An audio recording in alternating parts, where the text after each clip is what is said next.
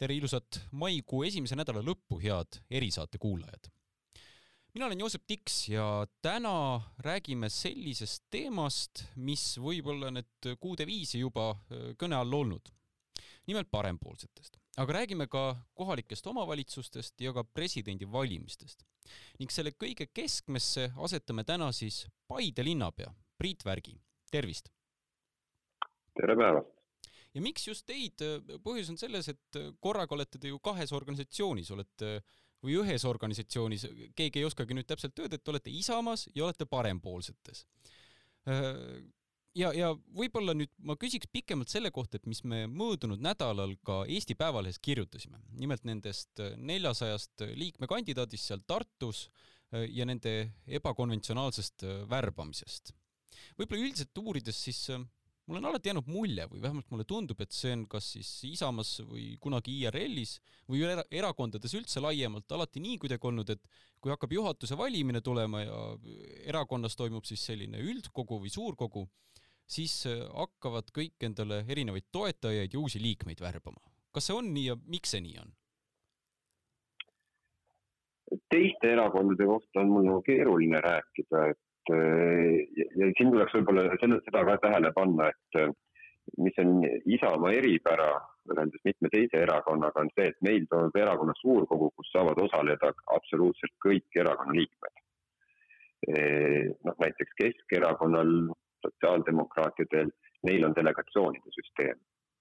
ehk siis, et mõnes mõttes on hästi demokraatlik, kõik saavad tulla suurkogule, valida juhtorganeid otse aga see on, eh, tulles minu küsimuse juurde, et eh, miks ma seda selgitan, ma arvan, et seal võib-olla, seal on ka niisugune kerge põhjus, eks ju, mis, mis osasid eh, inimesi on teinekord viinud nii-öelda valele teele.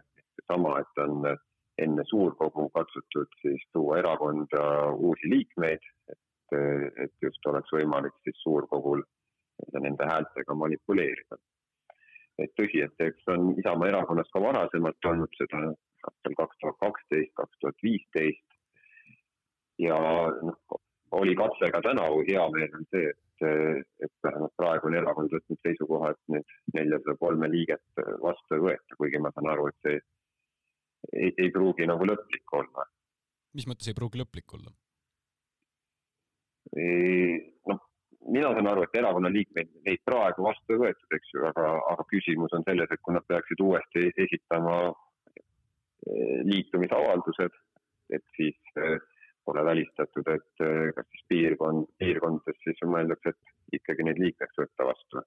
et igatahes niimoodi korraga ja massiliselt neid vastu ei võeta mm.. ja, ja võib-olla siinkohal oleks nagu paslik meenutada ka seda, et aastal kaks tuhat viisteist, kui viimati selline kahetsusväärne juhtum oli, noh siis küll me rääkisime kümnetes kordades väiksemast liikmest, eh, nii-öelda liikme kasvust oli paarkümmend inimest seal Pärnumaa kandist. et siis oli ka aukohtu otsus oli, kus aukohtu tegelikult taunis sellist tegevust. et olin sel hetkel ka mina ise aukohtu liige, oli ka Aavo Üprus sellel ajal, et eh, siis eh, otseselt ja avalikult tauniti seda ja seal kirjutatigi nii-öelda aukohtu otsusesse selgesõnaliselt, et nii-öelda liikmete massiline värbamine selleks, et eh, manipuleerida suurkogu, suurkogu siis hääletustulemustega, et see, see ei ole Isamaa erakonnas aktsepteeritav. praegu on muidugi erakond ju selge tulemüüri ehitanud äh, nendele neljasajale ja äh, Madis Sütile ühelt poolt ja erakonnale endale, et, et kui alguses võis jääda tunne, et nende värbamisega üritati parempoolseid mängust välja nii-öelda lüüa, siis Seeder, Sibul, Kokk, kõik on ju öelnud, et nemad ei olnud sellest teadlikud. no nende eest on mul keeruline kõneleda, eks ju, ja, ja mis olid motiivid, et, et igatahes praegu on see otsus, et, et neid vastu ei võeta, küll tuletaks meelde, et esialgu, see uudis tuli, siis see uudis tuli läbi Isamaa erakonna pressiteate, kus pressiteates sõna-sõnalt öeldi, et on võetud vastu nelisada kolm uut liiget. aga, aga, aga noh, selles mõttes on hea, et inim-, inimesed on nii-öelda saanud aru, et, et see oleks viga olnud. mind küll ennast paneb üllatama, et see varem nagu kellelegi ei koitnud, et kui, kui siin järsku korraga tahab nelisada inimest saada erakonna liikmeks, nad vara, varasemalt on olnud rahva tahe eh, erakonna liikmed, kus me kõik teame meediast, et seal värvati liikmeid, eks ju, läbi mobiiltelefonide loosimise. Et see oleks võinud niisuguse väikse ohutule põlema panna, aga, aga selles mõttes ütleme siis lõpp hea, kõik hea, et, et seda viga ei tehtud. vaatasin, et pärast eelmist nädalat läks ähm, Isamaas sees päris tuliseks vaidluseks. võib-olla, et äh, kõik sellest päris äh, välja isegi ei jõudnud, et äh, küsiks kahes osas, et mille üle seal üldse vaielda oli pärast seda, kui need nelisada liikmet, liiget ja nende värbamismotiivid välja tulid ja mis selle vaidluse sisu oli, kas see leidis ka mingi lahenduse? esiteks, eks meil erakonna sees on neid vaidlused viimasel ajal väga palju olnud, hoolimata sellest, et äh, tihtipeale heidetakse ette, eriti Helir-Valdor Seeder poolt, et parempoolsed äh, kipuvad diskussiooni ainult meedias tegema, et siis, et, et see tegelikult pole sugugi tõsi, eks, et on erakonna sees ja on meil, võin öelda, parempoolsete liikmeühenduse sees on veel rohkem neid arutelusid. Äh, teravamaid ja vähem teravamaid ja positiivsemaid ja negatiivsemaid aga eks ta eelmine nädal see arutelu loomulikult oli, sest tol hetkel veel ei olnud ju eh, erakonna eestlased polnud seda otsust tulnud, et neid eh, liikmeid vastu ei võeta. ja eks selle üle oli ka diskussioon, et kas see on õige või mitte. igatahes oli ja siis samuti oli, tuli välja see kurikuulus video, kus näitas eh, mil viisil siis neid liikmeid värvati. Madis, Madis Süti siis kolleeg, eks ju siin tean, et äh, lubasin sott näkku siis uusi liikmeid. ja, ja eks siin see teine pool selles vaidluses, mida mina, no mitte vaidluses, aga diskussioonis on, mille ma ise ka olen öelnud, et et kohati ta on selles mõttes niisugune kummaline, kus on tehtud etteheited, eks, et justkui parempoolsed siin oleks erakonna mainet kahjustanud. minule küll on senimaani jäänud arusaamatuks, et noh, mismoodi, et, et meedias ja avalikkuses on mingeid asju arutatud, siis minu arust see pole mainekahju. ja osad liikmed, nendest kaks, kes kuuluvad Tartu piirkonna juhatusse, eks ju, Priit Humal ja, ja Argo Annuk, eh, esitasid enne seda veel siis erakonna eestseisusele hea tava nii-öelda kokkulepe, mis noh, teistpidi lubaks erakonnast eh, inimesi välja heita, kes eksivad hea tava vastu. ja siis mõned päevad hiljem leidsid nemad, et jube hea tava on võtta nelisada kolm liiget korraga rahva tahtest vastu. et see paneb kukad, kukad südame selline asi. kui nüüd see suurkogu peaks enne kohalike omavalim-, omavalitsuste valimisi tulema, kuidas te ütleksite, mis šansid seal parempoolsetel on, et kas Lavly Perlingust või Kristjan Vanaseljast võib uus Helir-Valdor Seeder saada ma loodan, et uus erakonna esimees küll ma kardan, et Helir-Valdor Seederit neist eh, kummastki ei saaks. et ja ma pole ka nagu nii-öelda salanud, et mina varasemalt ka seda avalikult öelnud, Lavly Perling oleks suurepärane kandidaat erakonna esimehe kohale. Aga nüüd küsimus puudutab, et et kui tuleb see suurkogu enne kohalikke valimisi, eks ju, et, et kes siis võidab, ma saan aru, et see mm tagamõte see. kihlvee kontor on avatud, on ju et, et eks seda noh, nii-öelda diplomaatiline vastus on see, et eks seda näitab siis suur, suurkogu ise, eks ju, kui see päev on. Kui nii-öelda süveneda sellesse, siis noh, ma ütlen ausalt, et kindlasti on favoriidikoorem on nii-öelda Helir-Valdor Seederil ja nii-öelda praegusel erakonna juhtkonnal. Eh, aga, aga eks siin aeg läheb edasi ja ma ütlen ausalt, et seesama nii-öelda juhtum, mis siin on nelisada kolm uut liiget või see tsensuuri eelnõu, mis on tulnud, et eh, erakonna sees on see paljusid liikmeid nii-öelda, kuidas ma ütlen, õiglustunnet kõditanud ja, ja on hakatud vaadata, vaatama ka parempoolseid selliselt kui, kui lootuskiirt. aga tuleb see suurkogu tulemus vist tuleb, eks ju, et eh, erakond Isamaa on igavene, jätkab ja toimetab ka edasi. küll, kui tehnilise poole pealt rääkida, siis noh, mis mind, mind kurvastab, just tehnilise poole pealt see, et erakond ei ole valmis tegema nii-öelda suurkogu raames ka e-hääletust. et, et see on nagu noh, see kurvastab ka sellepärast, et need diskussioonid algasid esimest korda juba aegadel, kui Mart Laar oli erakonna esimees. siis teda lükati edasi siis aastal kaks tuhat seitseteist, mis on juba neli aastat tagasi, tegelikult sai erakonna põhikirja sisse kirjutatud põhi, põhimõte, et on võimalik korraldada eh, e-valimisi ehk eh, e-erakondadele. aga nüüd, eh, kui meil on piirangud, terve Eesti on pidanud kolima oma tegevustega siis virtuaalsetesse vormidesse, siis Isamaa erakond ütleb, et ei, et, et ei ole võimalik teha füüsiliselt ja e-hääl, e-hääletust virtuaalselt üheaegselt, et, et see on nagu täiesti vastik tegevus. Ja sellest on muidugi kahju, miks ma seda juttu räägin, ma arvan, et, et parempoolsetel oleksid nii-öelda parempoolsed võimalused ja šansid selle tulemuse kindlasti tõuseks. et ma tunnetan seda, et meie poolt on nii-öelda palju erakonna liikmeid, kes on võib-olla, võib-olla natuke nooruslikumad ja nii-öelda ka tunnetavad igasuguseid interneti e-hääletuse osas neid tõrget ei ole.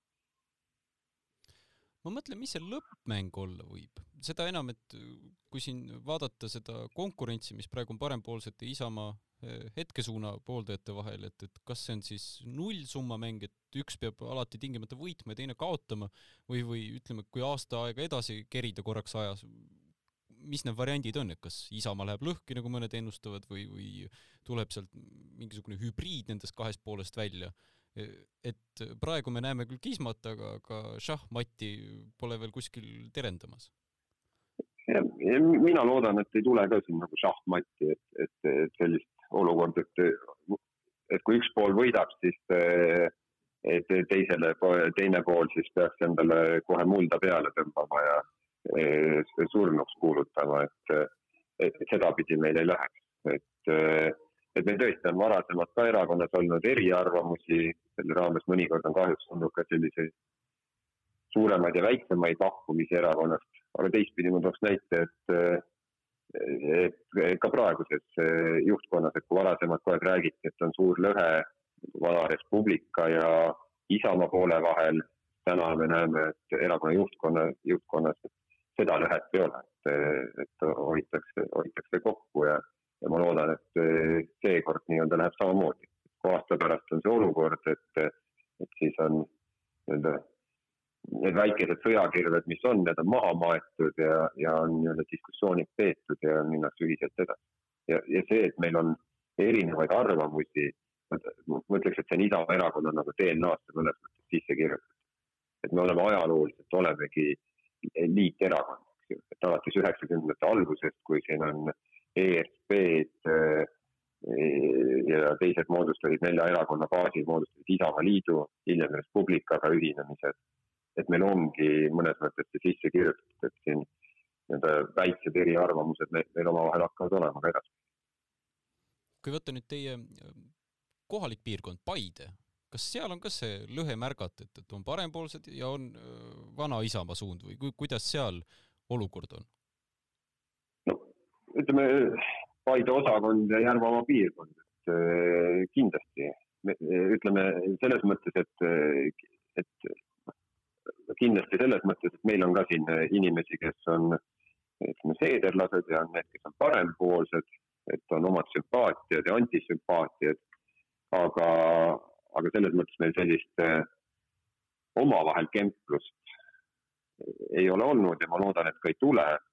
ja et eh, ühel või teisel viisil me ikkagi hoiame selle, selle eemale. et, eh, et, et jah, et kui ma vaatan Järvamaa juhatust, siis meil ka juhatuse liikmetest tegelikult on eh, mitu, kolm juhatuse liiget on parempoolsed hingekirjas, osad ei ole, osad on nii-öelda, näiteks Pipili Siimann on, on Türi vallavanemana on need parempoolsete osas toetav, aga ta ütles, et liikmeks ei astu, et ja see ongi täiesti normaalne ja ma arvan, et kõigis kolmes osakonnas, meil on Türi, Paide, Järva vald, et, et kõik saavad nii-öelda sõbralikult koos elatud edaspidi. sest eelmistel valimistel, kohalikel omavalitsuste valimistel eh, kaks tuhat seitseteist tegi Isamaa ju Paides kõige parema tulemuse. kui nüüd ütleme, see erakonna sisekonflikt takistuseks ei saa, kas siis see aasta oktoobris, kui valimised uuesti tulevad, kordate tulemust või teete üle selle või mis see perspektiiv on? See on hästi keeruline küsimus, et see isegi sõltumata sellest, kas erakonna sees oleksid erimeelsused või mitte, et, et tõsi, et kaks tuhat seitseteist Paides võitsime, kaks tuhat seitseteist ka Türil võitsime ja Järva vallas me küll ei võitnud, aga eh, tulemus oli selline, et õnnestus ka koalitsioonis siiamaani toimetada. kusjuures Paides oli aastal kaks tuhat seitseteist tähendas seda, et me võitsime kolmandad valimised järjest. nii et äh, et Järvamaal üldse on alati olnud selles mõttes Isamaal väga tugev, tugev kants. kuidas seekord läheb, eesmärk on valimiste võit Paides. et eh, kui minul on plaanis minna Isamaa nimekirja all välja, kandideerida, kas mul õnnestub ka linnapea kandidaat olla, ma loodan, ja eesmärk on meil võita. kas me, kas me, kas see õnnestub, eks, et, et siis näis. konkurents on tihe konkurents on tihe ja ega nii mõnigi konkurent on nii-öelda oma muskleid oluliselt kasvatanud. no praegune koalitsioon on teil teie erakond Isamaa, sotsid ja Reformierakond, Keskerakond oli ka vahepeal, aga kukkus välja või noh, ütleme väike paleepööre toimus on ju siin eelmine aasta. et kas see samasugune koalitsioon jätkub ka pärast valimisi või missugused need kohalikud võimuplaanid on? noh, selles mõttes kusagil sellist kokkulepet ei ole, et me nüüd eh, nii-öelda laskmata karunahka jagaksime ja peale, peale valimisi kindlasti samas eh, koosseisus jätkaksime. esiteks on vaja see, et me, et üldse valimised toimuksid ja näha, kui palju üks või teine nimekiri hääli kogub. aga peab tunnistama, et jah, meil kolmel on praegu olnud väga, eh, väga pragmaatiline tõhus koostöö, et siin Keskerakonnaga oli ka kolm aastat, võib öelda, et hea koostöö, aga lõpus, lõpuks kippusid erimeelsused tekkima, mille põhjal läks, läks, läksime ka lõhki. aga hetkel on, hetkel on koostöö hea, nii et äh, ma loodan ise ka, et peale valimisi on samas koosseisus võimalik jätkata. muidugi siin suvel on veel ühed valimised, nimetatakse ju presidenti meil valima ja Paidel on üks valijamees. ütleme, kui nüüd president suvel Riigikogus ära ei valita kas siis on juba mõni kokkulepe ka tehtud, et kellele Paide valijamees oma hääle viib? ei ole. et seda kokkulepet ei ole, et meil on üks valijamees ja eks siis volikogus tuleb otsustada, kes selleks osutub, et peab tunnistama, et ajalooliselt varasemalt on Paides valijameheks olnud volikogu esimees. kas ka seekord, seda ma ei oska öelda, et eks siin ja eks see omakorda hakkab sõltuma sellest, kes siis eh, saavad olema presidendikandidaat, et eh, iga kord, noh, mina tean, et kui Paides on valijameest valitud, siis on antud nii-öelda volikogu poolt ka nii-öelda soovitus kaasa või, või mõtted, et kes, kes, kel, keda võiks valida. et kas see inimene ka lõpuks seda teeb, eks see on tema enda südametunnistuse asi, kui ta on hääletussedelit laskmas sisse. Aga, aga ära jagatud seda kohta ei ole. Ja ma arvan, et nii nagu kogu Eesti ühiskond, Paides on ka ikka äraootaval seisukohal, kes need, kellest, kes siis saavad üldse kandidaadid olla. kuidas see otsus üleüldse tehakse seal volikogus või kas see pigem sõltub kandidaadist endast, tema isikust ja natuurist või vaadatakse, kuidas Toompeal võimulolijatega läbi saadakse? seda mitte, minu arust eh, mul küll nagu ajaloolist mälu ei ole nii pikka, kuidas Paides ta varasemalt on käinud, et, et kui ta aastal kaks tuhat seitseteist oli, siis eh, ka tol hetkel ma ise eh, Paide linnapeana ametis ei olnud, et ma kõiki detaile ei tea, aga, aga sel hetkel valiti volikogu esimees, kelleks oli siis Keskerakonna, Keskerakonna kuuluv saadik. ja olen kindel, et tema siis toetas äh, Mailis Repsi.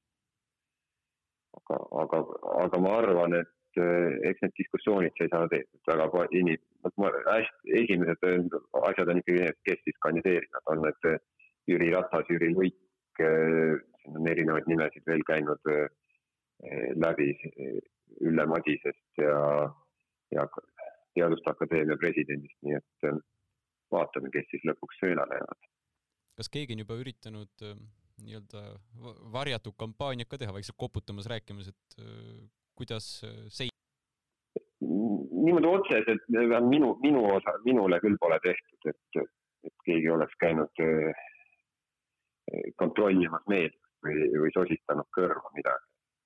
eks minu teadmised on täpselt samasugused nagu ülejäänud eestlastel, et me oleme meediast lugenud ja, ja saan aru, et kõik me ootame siin, et paari-kolme nädala jooksul, kas siis Jüri Ratas võiks olla üks kandidaatidest ja, ja ma arvan, et kui esimene on oma sammu teinud, siis on oodata ka teisi kandidaate peagi.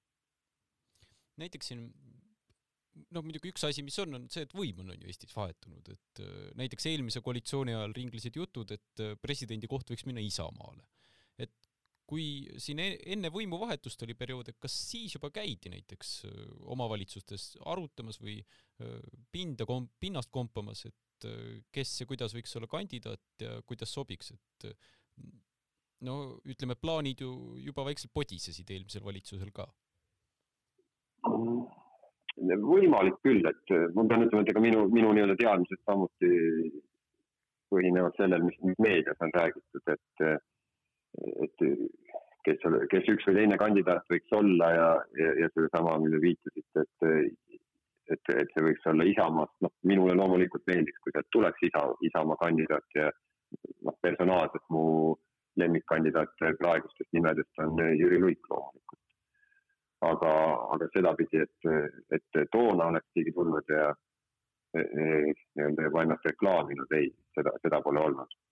ja, ja nagu ma alustuseks ütlesin ka, et meie nii-öelda valijamees, kes Paides, et seda pole ka otsustatud. Üks hetk rääkisime omavahel ka paraadist, mis võib Paidesse võib-olla see aasta tulla, et kas see saab olema suve suurim üritus siis Paides või kuidas on väikelinnas äh, elu suve ootamisega? ja võidupüha paraadi me ootame pikisilmi, pidi toimuma tegelikult aastal kaks tuhat kakskümmend ka Paides, aga tingituna siis piirangutest, koroonapiirangutest, siis ta lükkus aasta võrra edasi. Ja loodame, et see aasta õnnestub seda pidada, et praegu on, on kõik nagu äraootaval seisukorral, et, et millised need piirangud siis juuni lõpus võiksid olla. aga kas ta on selle suve suurem sünd, suurim sündmus Paides no ütleme, et konkurentsi jagub eh, ka võidupüha paraadil, et teist, teistpidi meil oli Eesti Vabariigi presidendi vastuvõtt oli kahekümne neljandal veebruaril ja ütleme võib-olla mitte samas suurusjärgus, kuid on ka palju teisi sündmusi, et praegu on käimas eh, aktsioon, kus on Paide keskväljakul Paide kolm tuhat, mille raames on kolmkümmend kolm kõnet erinevat ühiskonnategelastelt. Ja ka selle raames on näiteks president, peaminister ja erakondade esimehi, mitmeid äh, ettevõtjaid, kultuuritegelasi ja üldse niisuguse tundliku ühiskondliku närviga inimesed tulevad iga õhtu kell kuus kõnet pidama, nii et, äh, et ütleme, auväärseid inimesi satub meile siin äh, tihedamini koju ja noh, loomulikult planeerime ka Arvamusfestivali, mis võib-olla Paide kaubamärgiks viimasel kümnel aastal olnudki tegus suvi, ühesõnaga muidugi aknast välja vaadates tundub suvi oi kui kaugel, aga kuuldavasti järgmine nädal tulevad juba suuremad soojakraadid. vot, aga sooviksin teile äh, kõike kena, ilusat nädalavahetust ja tänaksin teid suuresti, et olite nõus meiega siin erisaates selle pooltunnikese veetma. Ka mina tänan ja soovin kõigile ilusat reedet. ja aitäh ka erisaate kuulajatele ja kena tulevat nädalavahetust